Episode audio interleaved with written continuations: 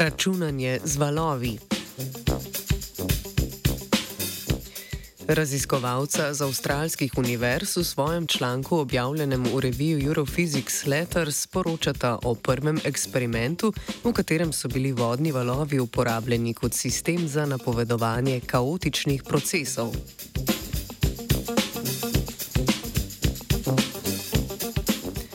Pojave, kot je turbulenca, vreme ali borza, je težko napovedovati, saj so to kaotični sistemi.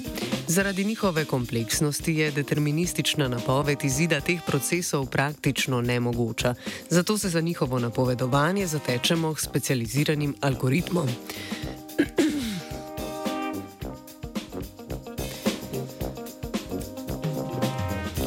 Eden izmed teh je tako imenovano rezervoarsko računanje, razred algoritmov strojnega učenja.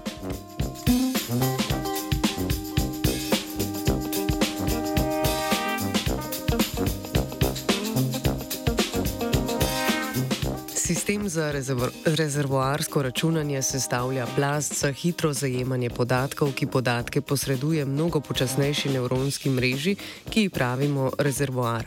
Rezervova, rezervoar je nelinearen, kar pomeni, da spremembe v vhodu niso sorazmerne s spremembami v izhodu.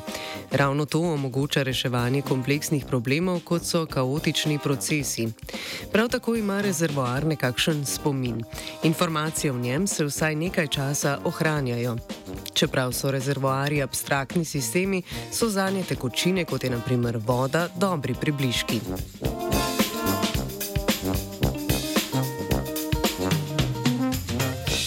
Raziskovalca sta uspela postaviti prvi fizični sistem za rezervoarsko računanje z valovi v tekočini. Vodo sta črpala na rahlo nagnjeno ploščo, tako da se je na plošči izoblikovala tanka plast tekoče vode. S preminjanjem hitrosti črpanja sta v plasti ustvarila valove. Ti so se v sistemu zadrževali, dokler se niso porazgubili, pri čemer so ohranjali svojo obliko. Informacije so v tem sistemu predstavljali vodni valovi. Sistem je imel tudi spomin, saj so se valovi, kot rečeno, nekaj časa ohranjali.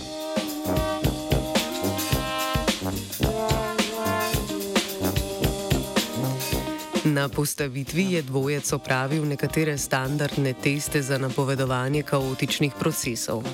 Zanimivejši od teh je bil test spominske kapacitete. S testom sta raziskovalca ocenila, koliko časa se informacija ohranja v sistemu oziroma koliko časa valovi potujejo, preden se porazgubijo. Ugotovila sta, da uspe eksperimentalni sistem ohraniti nekatere informacije dovolj časa, da doseže napovedano količino spomina. To pomeni, da sistem izpolnjuje eno glavnih zahtev za rezervoarsko računanje: ima spomin. Poleg tega pa je test spomina pokazal tudi, da ima rezervoar zasnovan na tekočini, kar za red velikosti več spomina od rezervoarjev zasnovanih na optičnih pojavih.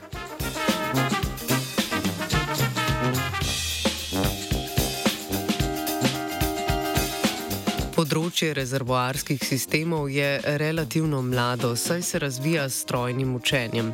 Zatem namreč stoji nevronska mreža, ki interpretira podatke iz valov.